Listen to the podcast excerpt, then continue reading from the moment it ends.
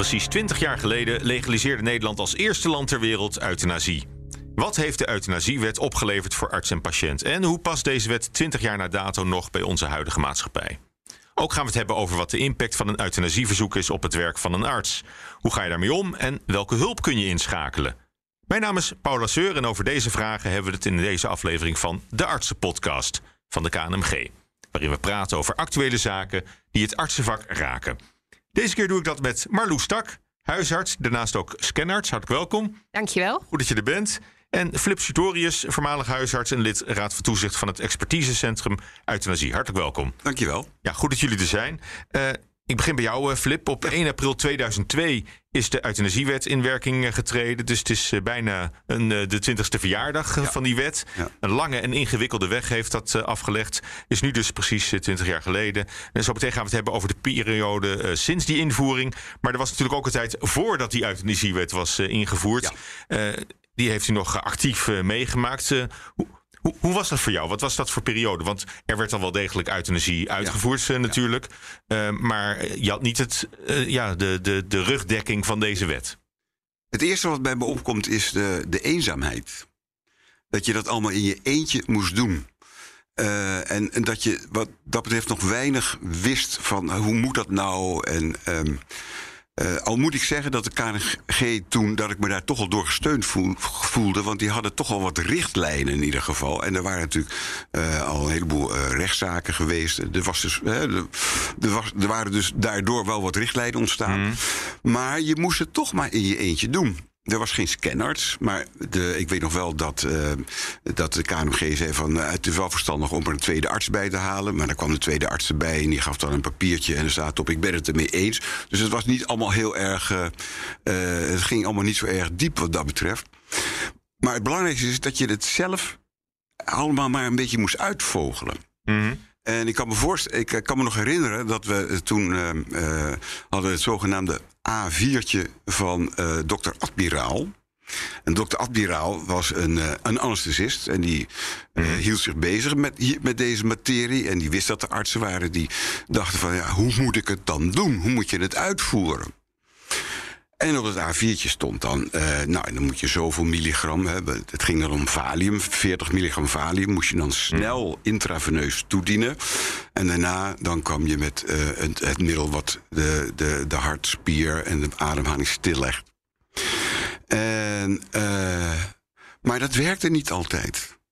Dus dat als, als je dan. En als je daarmee geconfronteerd wordt in je eentje. dat het een keertje dus niet lukt. wat je moet doen. dan moet je allerlei dingen gaan verzinnen. van hoe gaan we dat nou doen. Dus dat was een. Uh, ja, ik, ik, ik, ik, voelde me toen altijd heel eenzaam. Ja, daar ben je eigenlijk aan, aan het pionieren ook. Maar het, het, ja. het is ook. Uh, en aan het ja, modderen. Zeg, je en het farmacologisch ook, ook nog, nog een ding. Farmacologisch aan het, aan het modderen ben je. Ja. ja. ja. En, maar ook, ja, goed, hoe pak je het aan? Ik bedoel, we hadden toen nog geen nascholingen daarover. En we hadden toen nog geen, uh, ja, wat is ondraaglijk lijden? Dat is nu, sinds die wet, dat is fantastisch allemaal. Wat we, wat we nu aan transparantie hebben, dat is ongekend. Maar, want, want de invoering van die wet zorgde dat in één keer voor dat je je wel uh, gesteund voelde en gezien voelde. En, en nou, is, had je dat daarmee is, wel het gevoel dat je, dat je er minder alleen voor stond? Uh, jazeker. Er ontstond meteen een, een de, de, de scangroepen ontstonden toen meteen. Dus de scan uh, heeft een enorme uh, boost gegeven aan, uh, aan, aan inzichten rond de euthanasie, mm. aan kennis rond de euthanasie. Maar, maar, waren er geen informele praatgroepen van artsen onder elkaar die die, ja, die, die, uit, die, die uitvoerden? Ja, die had ik. Ik zat in een zogenaamde Balint-groep. Uh, Balint, dat was vroeger een psychiater, maar dat is wat je tegenwoordig uh, uh, intervisie noemt. Mm -hmm. Dus ik had een intervisiegroep waar ik, waarin ik deze moeilijkheden wel kon bespreken. Maar dat hing dus wel van jezelf af of je dat deed. Ja. En daar had ik enorme behoefte aan en heb ik ook heel veel steun aan gehad. Ja, ja. En, en dat is de, de belangrijkste winst geweest van de, van, de, van de wettelijke regeling. Er is zoveel winst van de wettelijke, wettelijke regeling. Dat is fantastisch. We, ik bedoel, we hebben een geweldige wet. Daar gaan we misschien, komen we misschien zo nog wel eventjes op. Maar het feit dat we erover konden praten. Het feit uh, dat er scanartsen waren die een opleiding kregen. Je kreeg een opleiding tot scanarts.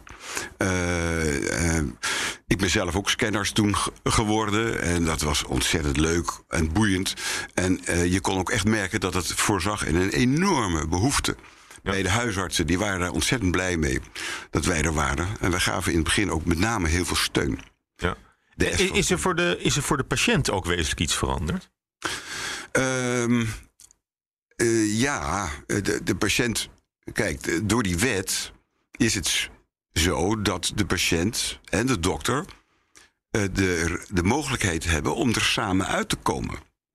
En uh, de dokter hoeft ook niet meer bang te zijn.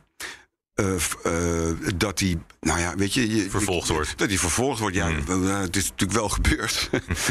maar um, uh, dat gebeurt dan wel eens, hè, maar dat moeten we nou ook weer niet overdrijven. Zo vaak gebeurt het nou ook weer niet. Maar die dreiging is er natuurlijk wel. Maar je vraag was of de patiënt daar beter van werd. Ik denk het wel. Het is gewoon, als, er, als er meer kennis is en meer ervaring, dat komt de patiënt natuurlijk altijd te goede. Maar de euthanasiepraktijk van voor de invoering van de euthanasiewet was niet een hele andere dan die na de invoering van de euthanasie. Sorry, de, de uitvoering? Ja, de, de praktijk. Gewoon. Uh, jawel, de praktijk is natuurlijk enorm verbeterd. Want, je, want kijk, wij, wij, wij, wij uh, moesten een verslagje schrijven. Nou, als je het verslagje van mij ziet van uh, 20 of 25 jaar geleden, nou, dan schaam ik mij diep als ik dat lees. Ja. Tegenwoordig uh, hebben we een format waarin precies staat van waar moet je nou naar vragen? Wat is nou belangrijk? En hoe omschrijf je nou ondraaglijk lijden? Hoe omschrijf je uh, uitzichtloos leiden. En, en waaruit blijkt dat er sprake is van een weloverwogen hè, en vrijwillig verzoek. Wat is een vrijwillig verzoek? Mm. Door, uh, nou ja, dat zijn allemaal dingen waar we toen maar wat mee deden. Ja, Marloes, uh, jij hebt de periode van voor de euthanasiewet niet, niet meegemaakt als, uh, als arts. Klopt. Um, kun je je voorstellen hoe dat geweest moet zijn om, om, om zonder uh, een, een, wettelijk kader te, te opereren? Nee, gelukkig kan ik dat eigenlijk niet. Uh, ik ken natuurlijk... Als je, als je Flip zo hoort vertellen ja, over, ik... over, dat, over dat aanmodderen, over, over die eenzaamheid eigenlijk. Ja, ik, ik, ik zie het voor me als Flip het vertelt. En ik ken ook van uh, andere collega's die in die periode uh, voor die problematiek stonden, wel dit soort verhalen. Um, um, en um, het lijkt me verschrikkelijk om als arts in dat soort omstandigheden te moeten werken met toch emotioneel zulke beladen onderwerpen en zulke grote beslissingen. En dan met name wat Flip zegt, in je eentje. En uh, je vraag kunt je voorstellen? Nee, gelukkig niet. Mijn ervaring is een generatie later gelukkig heel erg anders. Met dank aan uh, uh, de wetgeving en uh, de ontwikkeling daarvan en de ondersteuning van de KNMG. Ja. Want het is, het is deel van jouw praktijk. Hè? Je, je bent ook scanarts. Jij, jij geeft steun en consultatie aan collega-artsen die hiermee te maken hebben met een euthanasieverzoek. Jij kent als scanarts alle details van de euthanasiewet en de zorgvuldigheidseisen. Uh, met welke vragen komen artsen nou nog bij jou? Um, dat wisselt heel erg. Um, de vraag die ik misschien wel het meeste krijg als scanarts is: is dit al het moment om uh, een scanconsult aan te vragen. Wat ik nogal eens uh, meemaak is dat er bezorgdheid is, zowel bij uh, de patiënt als bij de uitvoerende dokter. Um, of ze het wel op tijd geregeld hebben. En daarin kan ik gelukkig bijna altijd geruststellen dat um, een, een um, consultatie pas aangevraagd hoeft te worden op het moment dat het verzoek daadwerkelijk concreet daar is. Um, want het is niet iets wat je van tevoren kunt uh, of moet willen regelen. Je kunt het wel voorbereiden. Maar uh, euthanasie is iets wat we doen als er geen goede andere oplossing meer is. In een situatie van uitzichtloos en ondraaglijk lijden. Ja, en dan weet je dus pas als het zover is. En uh, wat ik als scanarts dan merk is dat ik heel vaak de dokter gerust kan stellen van maak je geen zorgen als het zover is dan um, um, komen we zo'n consultatie doen en dat kan ook op korte termijn geregeld worden. Waarmee er vaak een heleboel rust in de situatie tussen de dokter en de patiënt gebracht wordt. Ja, en in de wet staat onder meer dat je als arts moet houden aan zes zorgvuldigheidseisen. Kun je die kort uh, op. Overhoring. Um, het moet gaan om een vrijwillig verzoek. Dus het moet het verzoek van de patiënt zelf zijn uh, en uh, niet uitgevoerd onder druk van iemand anders. Um, het moet gaan om een weloverwogen verzoek. Dus niet iets wat op een, uh, vanuit een moment van angst uh, geuit wordt. Uh, het moet iets zijn waar iemand over nagedacht heeft en wat passend is bij hoe die persoon eerder ook in het leven stond. Euthanasie kan dan vervolgens op het moment dat er sprake is van ondraaglijk lijden, waarbij ondraaglijk altijd persoonlijk wordt ingevuld. Wat voor de een ondraaglijk kan zijn, hoeft dat voor de ander niet uh, te zijn. Maar dat is wel iets uh, wat in gesprek tussen de arts, de behandelend arts en de patiënt bepaald wordt. En er moet uh, sprake zijn van uitzichtloos lijden. Dus er moet uh, niet de verwachting zijn dat, het, dat de situatie zich ook weer zal gaan verbeteren. Uh, dat zijn de vier hoofdcriteria, dat zijn de belangrijkste. En wat er dan verder nog belangrijk is, is dat er geen redelijke andere oplossingen zijn. Uh, waarbij ook redelijk natuurlijk persoonlijk in te vullen is in overleg tussen de arts en uh, de patiënt. En niet onbelangrijk, en daar stipte Flip net al aan. Um, de euthanasie moet zorgvuldig uitgevoerd worden. En uh, zorgvuldig is tegenwoordig in ieder geval simpelweg volgens de daarvoor geldende richtlijn. En zoals het op dit moment geregeld is, is de technische uitvoering van de euthanasie niet meer het moeilijkste aan euthanasie. En dat is denk ik heel goed, want daar kan je gewoon protocol voor schrijven. En um, dat gaat denk ik nooit meer mis. Dat is heel anders dan dat A4'tje waar je net over had. Ja, ja. ja zeker. Ja. ja, nee, dat is, dat, dat gaat, het gaat eigenlijk bijna nooit meer mis. Dat, en daar, dat is wel altijd, nog, dat is toch wel een, een erfenis van het verleden, altijd een angst voor mij geweest. Mm -hmm. Dat ik dacht van, uh, je, je kan het op een aantal manieren doen. Je kan een intraveneuze injectie geven. Je kan ook uh, drankje geven. En ik kan me herinneren dat bij drankje, drankje is tegenwoordig uh, is de, doos, de, dosering zodanig dat je echt wel, wel ervan uit kan gaan dat het lukt. Maar ik was al bang van ik ging bijna om die persoon heen zitten om te zorgen dat dat drankje niet uit zijn of haar handen viel. Weet je? Dat ik bang was dat het, uh, ja, of, of, dat iemand het zou omgooien of wat er ook, of dat het er niet goed in zou gaan. Dus ik vond dat doodeng. Ja. En dat wat, is, wat, Marloes, waar dekken die zorgvuldigheidseisen het meest tegen in? Ja, tegen diverse dingen. Maar als ik dat in zijn algemeenheid moet samenvatten, dan dekken ze het meest in tegen beslissingen of acties die door emoties nadelig worden beïnvloed. Zowel aan de kant van de patiënt als aan de kant van de dokter. Want je kunt je voorstellen dat een angstige patiënt uh, wensen uit die niet letterlijk zijn wat ze zijn. Hè? De, de vraag om euthanasie is niet altijd een vraag om euthanasie. Het is altijd een vraag om een goed einde. En dat kan euthanasie zijn. Maar dat hoeft niet altijd per se. Dus onder emoties worden dingen vaak veel eenzijdiger gebracht dan dat ze misschien daadwerkelijk bedoeld of gevoeld zijn.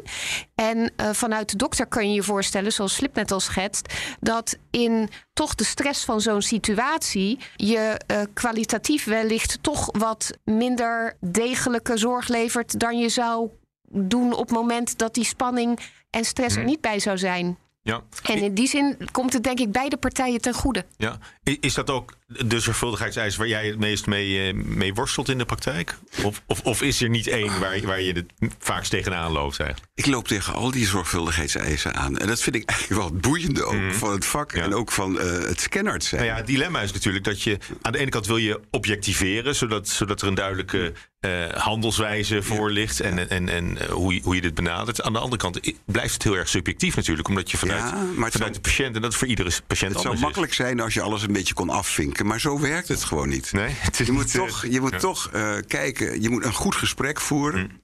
met de patiënt. Het gaat, uh, wat heel belangrijk altijd is, is de biografie van de patiënt. He, hoe zit de patiënt in elkaar? Is hij gelovig of, of niet? Of hoe, hoe, hoe, hoe is zijn situatie thuis? Alleenwonend? Heeft hij steun?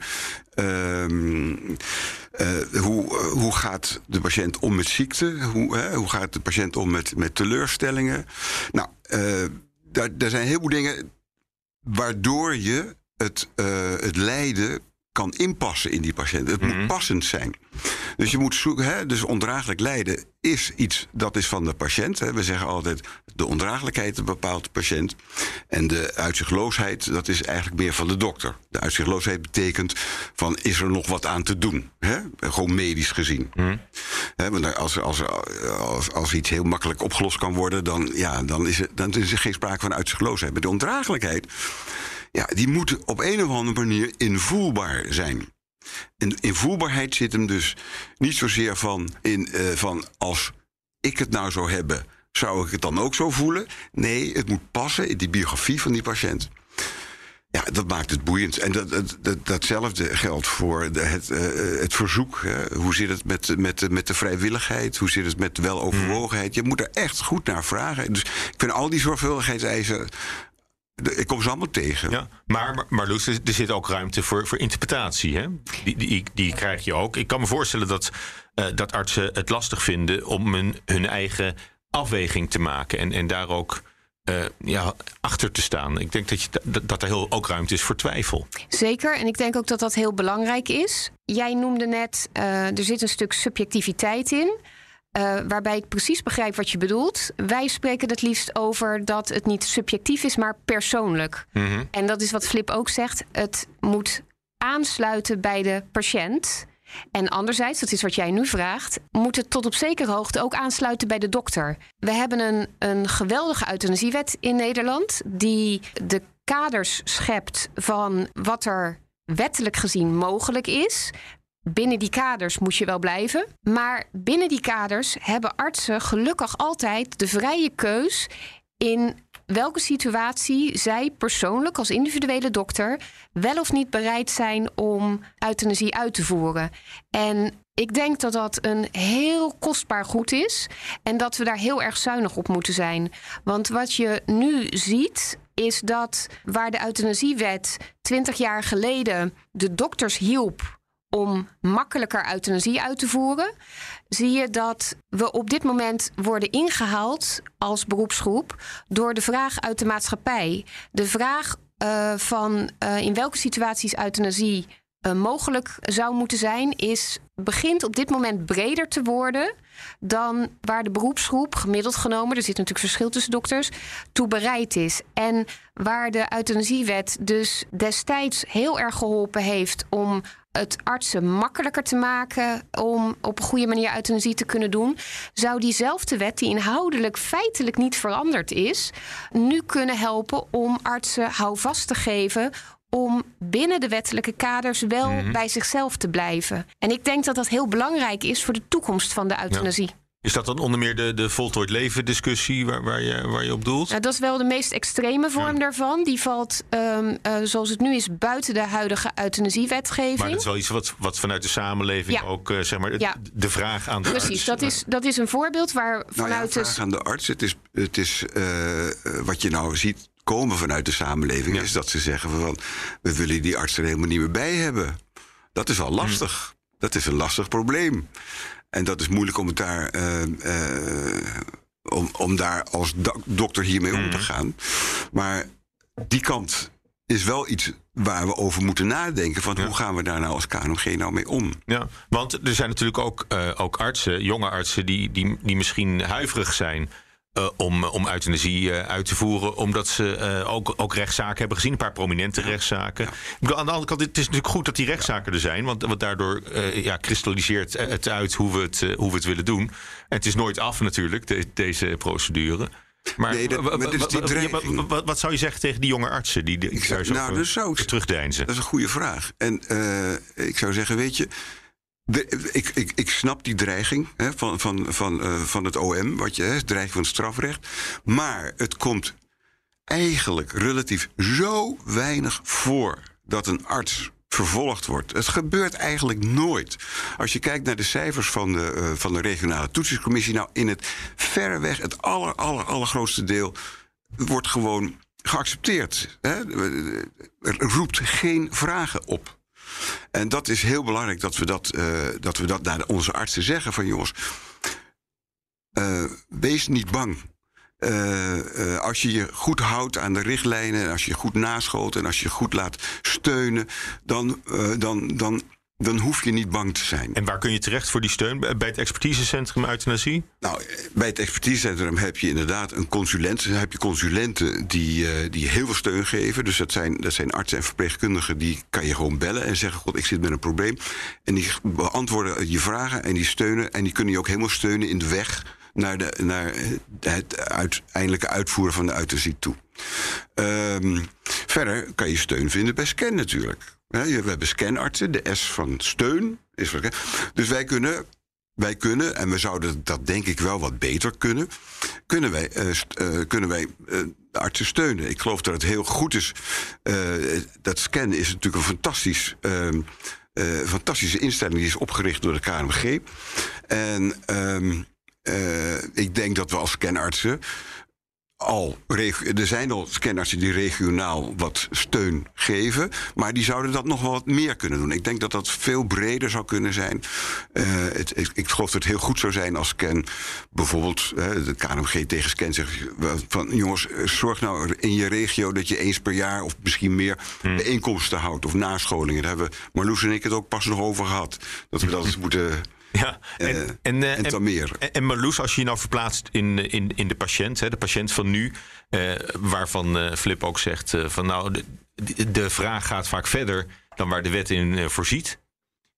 hoe, ehm, hoe past de, de huidige wet nog bij de, bij de moderne ehm, samenleving of bij de, bij de patiënt van nu? Die past denk ik nog net zo goed als dat die eerder was. Maar dat dreigen zowel arts als patiënt uh, soms niet meer te zien. Door de nadruk die er op dit moment, uh, met name in de media, is voor de, de uh, extreme complexe onderwerpen rondom euthanasie. Hè. Euthanasie is toch wel ingewikkeld, maar waar het gaat om euthanasie bij dementie of bij psychiatrie of bij een opeenstapeling van ouderdomsklachten, wordt het nog complexer. of bij kinderen is ook, ook zo'n. Dat is, dat is ook een, een um, hele ingewikkelde.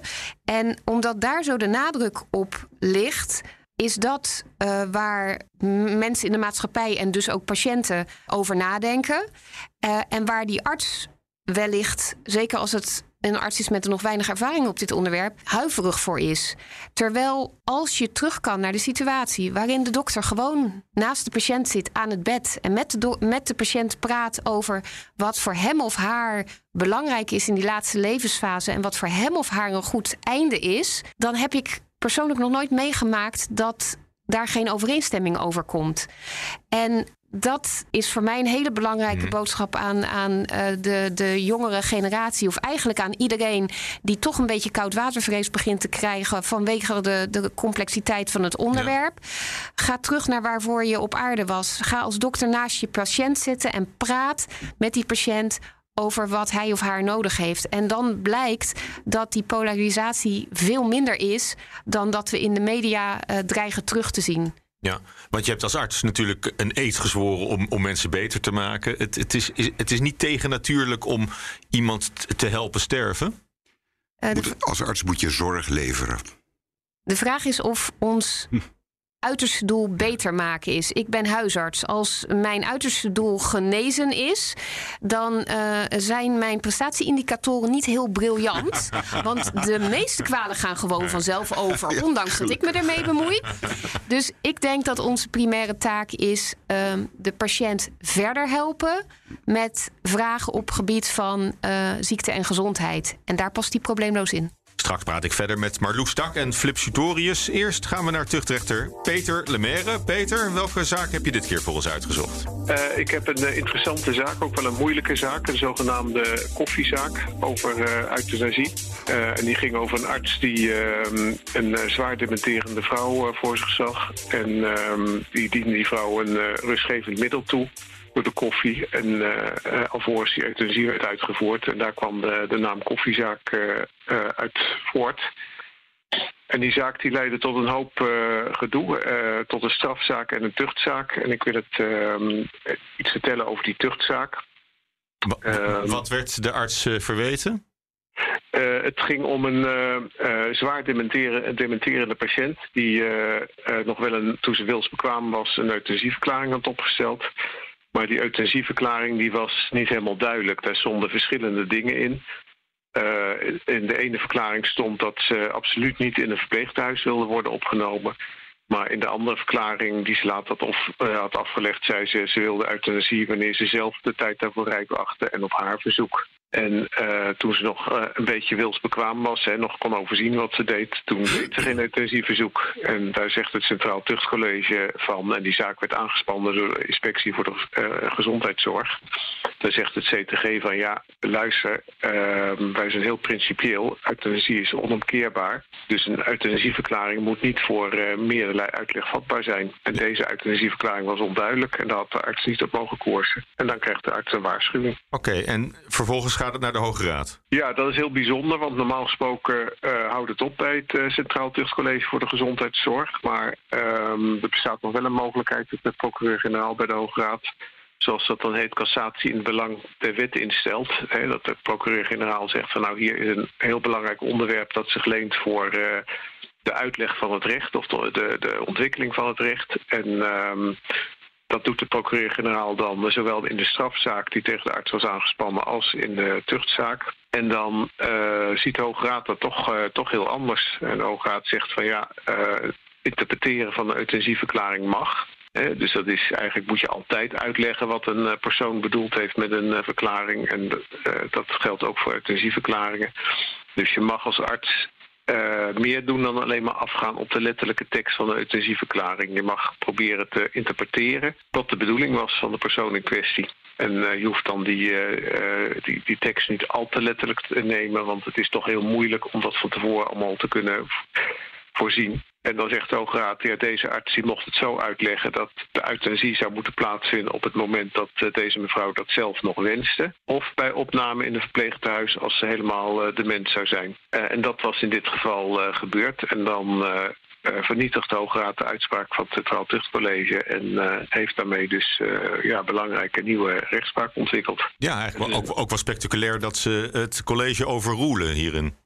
Ja, dat gebeurt dus maar bij heel erg weinig. Dat is echt een zeldzaamheid. En uh, ja, omdat het ook uh, samenging met een strafzaak. Het is natuurlijk hele gevoelige materie, dus het is ook wel belangrijk dat er zoveel mogelijk uh, duidelijkheid wordt gecreëerd voor artsen.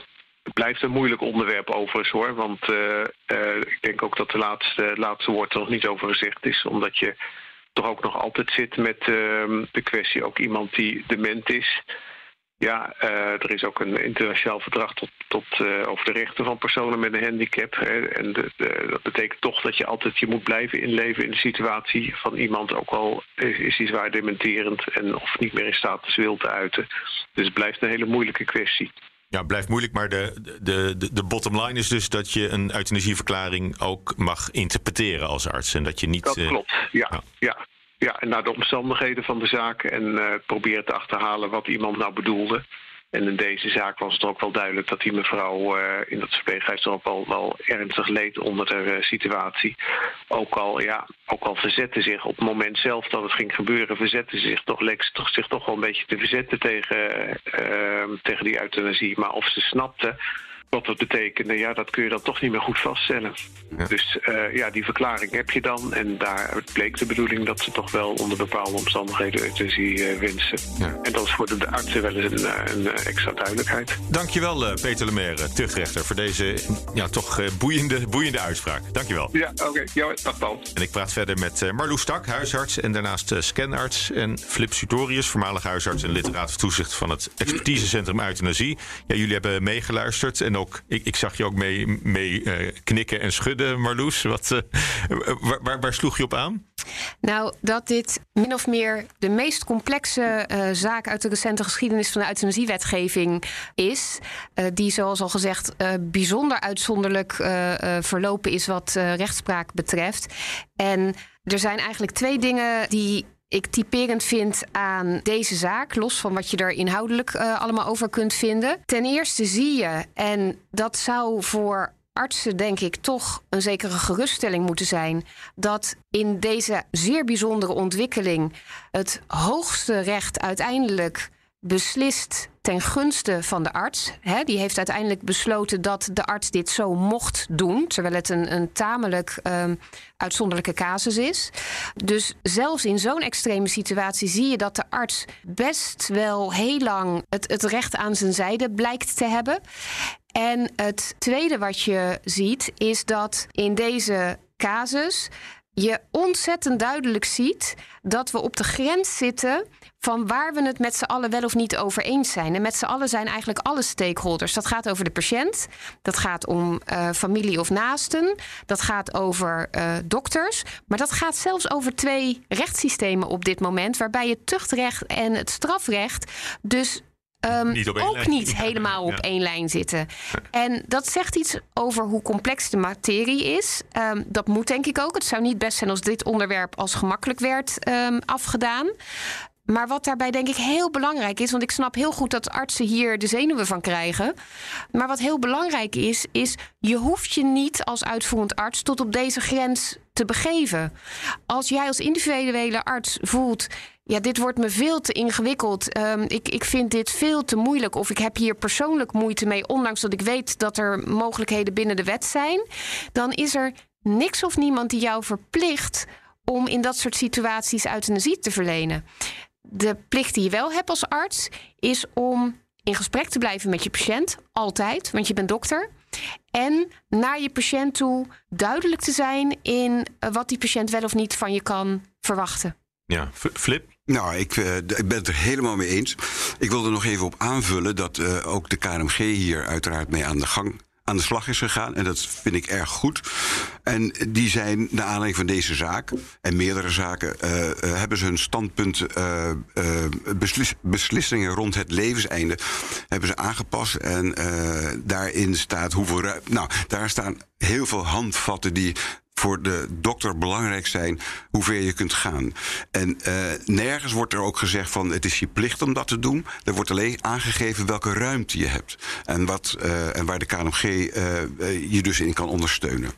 Ik vind dat ze dat verdomd goed hebben gedaan.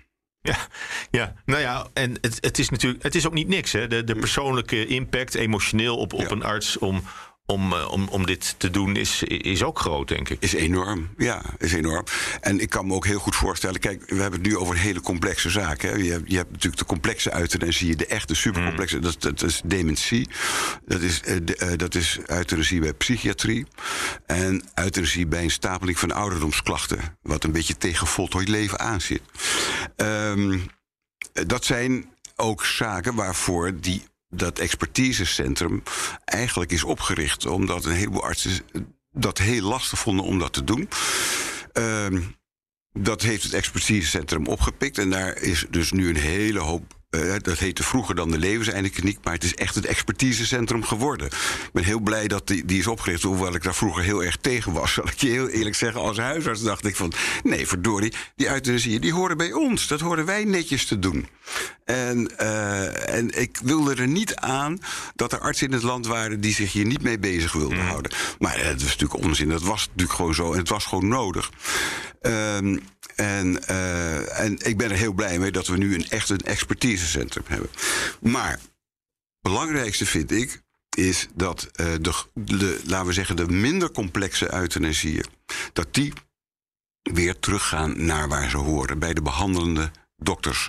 En uh, we hebben het net gehad over dat er mm. nogal wat koudwatervrees is. En ik geloof dat het heel belangrijk is dat we zorgen dat het koudwatervrees bij de mensen weggaat en dat de angst weggaat. Mm. Nou, ik, ik, ik, vond mooi wat je, wat je eerder in het gesprek ook zei, is dat je als arts ben je uh, op aarde om, om zorg te, te om zorg te leven. Ja. En, en ook als dat, uh, als dat betekent iemand helpen sterven. En, en, ja. en de maar, aanloop daar naartoe en, ja. en, en, en de gesprekken. De hele, dat, dat, het iets, dat het iets heel waardevols is. En, en juist dat, echt de kern van het, uh, van het vak. Van het vak uh, Alles wat je in je vak hebt geleerd, dat komt samen in, in het sterfbed. Ik, heb, ik zeg altijd, huisartsen zijn heel goed in sterfbedden. Ja. En het, het gaat erom dat, dat euthanasie is natuurlijk een uitkomst in een heel palliatief traject. Mm. We, mhm. moeten, we moeten euthanasie niet als een enorm groot ding maken aan het eind van het leven. Het is het hele palliatieve traject waar we mee bezig zijn. En, uh, en dat kan uitlopen in euthanasie. En dat kan uh, palliatieve sedatie zijn, kan wat anders zijn. Ja. Maar uh, uh, zo moeten we het zien, denk ik. En we, en, en we moeten zorgen dat, dat, dat artsen dat koudwatervrees in ieder geval kwijtraken. Ja. Marloes, kan jij je nog een zaak herinneren, ik denk het wel, waar je als scanarts bij betrokken was, die, die, die heel veel indruk op je heeft, heeft gemaakt? Als scanarts of als behandelend of als, arts? Als, als arts, ja. Ja, want beide kan ik wel, maar die zijn heel verschillend. Ik ben inmiddels. Als, als huisarts komt het dan dichter bij je nog, denk? Ja, veel dichter. Ik ben inmiddels tien jaar voorbij mijn eerste uh, euthanasie. Ik weet ze nog allemaal en als ik hard nadenk, weet ik ook alle namen. Maar er zijn casus geweest waarbij ik daadwerkelijk even moet nadenken: werd dat nou uiteindelijk een euthanasie of niet? En dan denk ik aan de ene kant, oh wat erg, ik weet het niet meer. En tegelijkertijd denk ik, dat is hartstikke goed dat ik daar even moet, over moet nadenken. Want wat je bijblijft, is de intensiteit van de begeleiding van dat palliatieve traject. Waarbij het voor mij in ieder geval uiteindelijk minder relevant is of dat nou een euthanasie wordt of niet. En wat ik me heel erg herinner is een, een patiënt waar ik uiteindelijk wel euthanasie bij gepleegd heb, die precies hetzelfde verwoord. Um, ongeveer een week na dat ik die euthanasie had uitgevoerd, kwam haar uh, partner bij mij om na te praten. Dat vraag ik vaak. En die kwam met een briefje. En een bos bloemen trouwens. Die bloemen die komen wel eens vaker voor. Maar dat briefje maakte indruk. Want het was een briefje dat voor mevrouw was geschreven. En het briefje luidde als volgt: Lieve dokter, misschien vind je het raar dat ik het op deze manier doe. Maar ik ben je zo ontzettend dankbaar voor wat je voor mij hebt gedaan. En dan heb ik het niet over dat laatste. Maar over hoe fijn het is om 4,5 uur achter elkaar te kunnen slapen en dat ik dan zonder misselijkheid wakker werd. Ik heb altijd op je kunnen rekenen en ik weet dat het je beroep is, maar nogmaals bedankt. Ook namens mijn familie. Geweldig. Ja, het is ontroerend ook. Echt ontroerend. Heel mooi. En dat, dat vat helemaal samen hoe dat is. Zo'n sterfbed, wat een voldoening je dat kan geven. Hè? Zeker. En, en dat je euthanasie, wat mij betreft, moet zien als een soort uiterste vorm van palliatieve zorg. Iets tussen een individuele dokter uh, die probeert zo goed mogelijk voor zijn individuele patiënt te zorgen.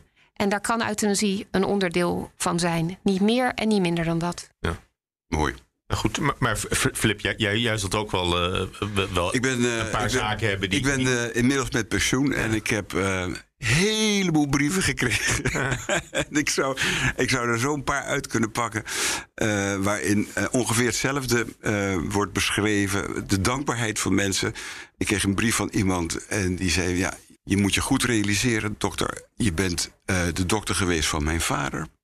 Uh, die hebben het sterfbed van mijn vader meegemaakt, van mijn moeder meegemaakt, van mijn lievelingszusje meegemaakt, van mijn ander zusje meegemaakt. Je moest dus weten wat dat voor ons betekend heeft. Ja, daar krijg ik rillingen van. Dat ik denk van, goh, ja, dat die mensen zich dat allemaal nog herinneren. En uh, ja, dat is wel leuk om, eh, om, je, om je te realiseren uh, ja, hoe waardevol je vak is mm. gewoon. Ja. ja. Meer dan leuk, denk meer ik. Meer dan waardevol. ja. En Marloes, als scanarts begeleid jij artsen hè, die in dit eh, traject uh, zitten. Heb, heb je daar nog een, een voorbeeld uit van hoe je in, in, relatie tot een, tot een collega ehm, ja, wat veel indruk op je heeft gemaakt? Ja, heb ik ook wel. Uh, en dat is een voorbeeld waarbij ik heel erg heb gevoeld uh, hoe belangrijk de functie van scanartsen is en hoe waardevol het dus is hoe we het in Nederland geregeld hebben. Ik, ik, kan er meerdere verzinnen, maar één die ik heel indrukwekkend vond was een situatie waarbij een uh, patiënt opgenomen werd in het ziekenhuis. Um, min of meer met spoed, um, uh, s'nachts of in het weekend. Dat was een patiënt die in het verleden een laryngectomie heeft uh, gehad. Dus die heeft een, een klepje in het strottenhoofd om te kunnen ademen en ook om door te kunnen praten. En daarnaast bekend was met, met ernstige COPD. En dat waren twee redenen waardoor die meneer nog wel eens behoorlijk benauwd kon raken. Nou, die was in een op een zeker moment met spoed in het ziekenhuis opgenomen uh, op de intensive care terechtgekomen. Daar ook lichtelijk verward geraakt vanwege uh, het algemeen ziek zijn, maar ook weer niet helemaal ernstig verward. En had daar in zijn ernstig ziek zijn om euthanasie gevraagd. Daar gingen ze natuurlijk ook niet over één nacht ijs. Uh, die meneer werd overgeplaatst naar een uh, reguliere afdeling, waarbij vervolgens de hoofdbehandelaar veranderde. En die meneer volhield in zijn euthanasieverzoek. En wat er dan gebeurde was dat er een multidisciplinair overleg tussen verschillende dokters die betrokken waren bij die patiënt plaatsvond, waarbij het uiteindelijk zo liep dat de uh, afdelingsarts, de arts in opleiding, min of meer in de positie geplaatst werd uh, dat die dat maar moest gaan regelen met die euthanasie. En ik werd dus in een consult gevraagd door deze collega. Um, die zelf er nog helemaal niet zo zeker van was of dat nou het allerbeste idee van de wereld was. En daar heb ik gemerkt hoe uh, belangrijk het is om als scanarts steun te kunnen bieden. En dat het gesprek met de arts als scanarts misschien nog wel belangrijker is dan het gesprek met de patiënt omdat je begint met het toetsen van uh, de bereidheid van de arts. En of de arts zelf overtuigd is van dat dit aan de wet voldoet. En als dat niet het geval is, dan houdt het hele verhaal op. En dat is ook een manier waarop we uh, met het huidige systeem uitvoerend dokters ontzettend kunnen helpen en uh, ondersteunen om bij hun uh, eigen normen en waarden te blijven. En dat heb ik als heel waardevol ervaren. Ja. Nou, ik denk ook dat dat een mooie, een mooie tip is, of, of een hart onder de riem voor, voor veel jonge artsen die, die hiermee eh, mee te maken krijgen. Uh, dank daarvoor.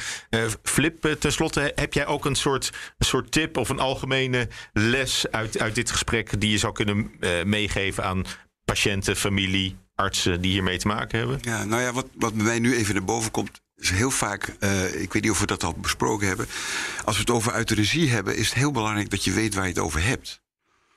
En uh, dat, hebben we, dat, dat is zowel bij dokters als bij patiënten speelt dat een rol. Als een patiënt aan jou vraagt, dokter, als, als ik zover ben, dan krijg ik dan euthanasie. Nou, heel vaak bedoelen ze helemaal niet van we gaan euthanasie zoals we dat kennen volgens de wet doen. Nee, dat betekent heel vaak ga je me helpen terwijl ik sterf. Zorg je dat ik geen pijn heb. Hè? Zorg, je, zorg je dat ik goed doodga. En, uh, maar zelfs dokters worden vaak op het verkeerde been gezet door, door, door, uh, door patiënten. Of laten zich op verkeerde been zeggen. En zeggen, ja, mijn hè, dan krijg ik als verzoek van de scanners, als scanners om langs te gaan. En dan blijkt het helemaal niet te gaan om een vraag om euthanasie, maar een vraag om palliatieve sedatie. En, uh, dus het is heel belangrijk dat je, dat je weet waar je het nou precies over hebt. En uh, dat is meteen een goede ingang om eens eventjes uh, een goed gesprek te hebben met de patiënt. Nou goed, en daar hebben we het de afgelopen drie kwartier over, ja. over gehad. Maar voor veel dank allebei. Dank, dank, voor jullie komst naar de studio. Marloes Tak, huisarts, daarnaast scanarts. En Filip Storius, voormalig huisarts en lid Raad van Toezicht van het Expertisecentrum Euthanasie. Dank jullie wel. Dit was de Arts-podcast van de KNMG. Mijn naam is Paul Lasseur. Dank voor het luisteren. Wil je geen aflevering missen? Abonneer je dan op deze podcast in je favoriete podcast-app. Graag tot de volgende aflevering.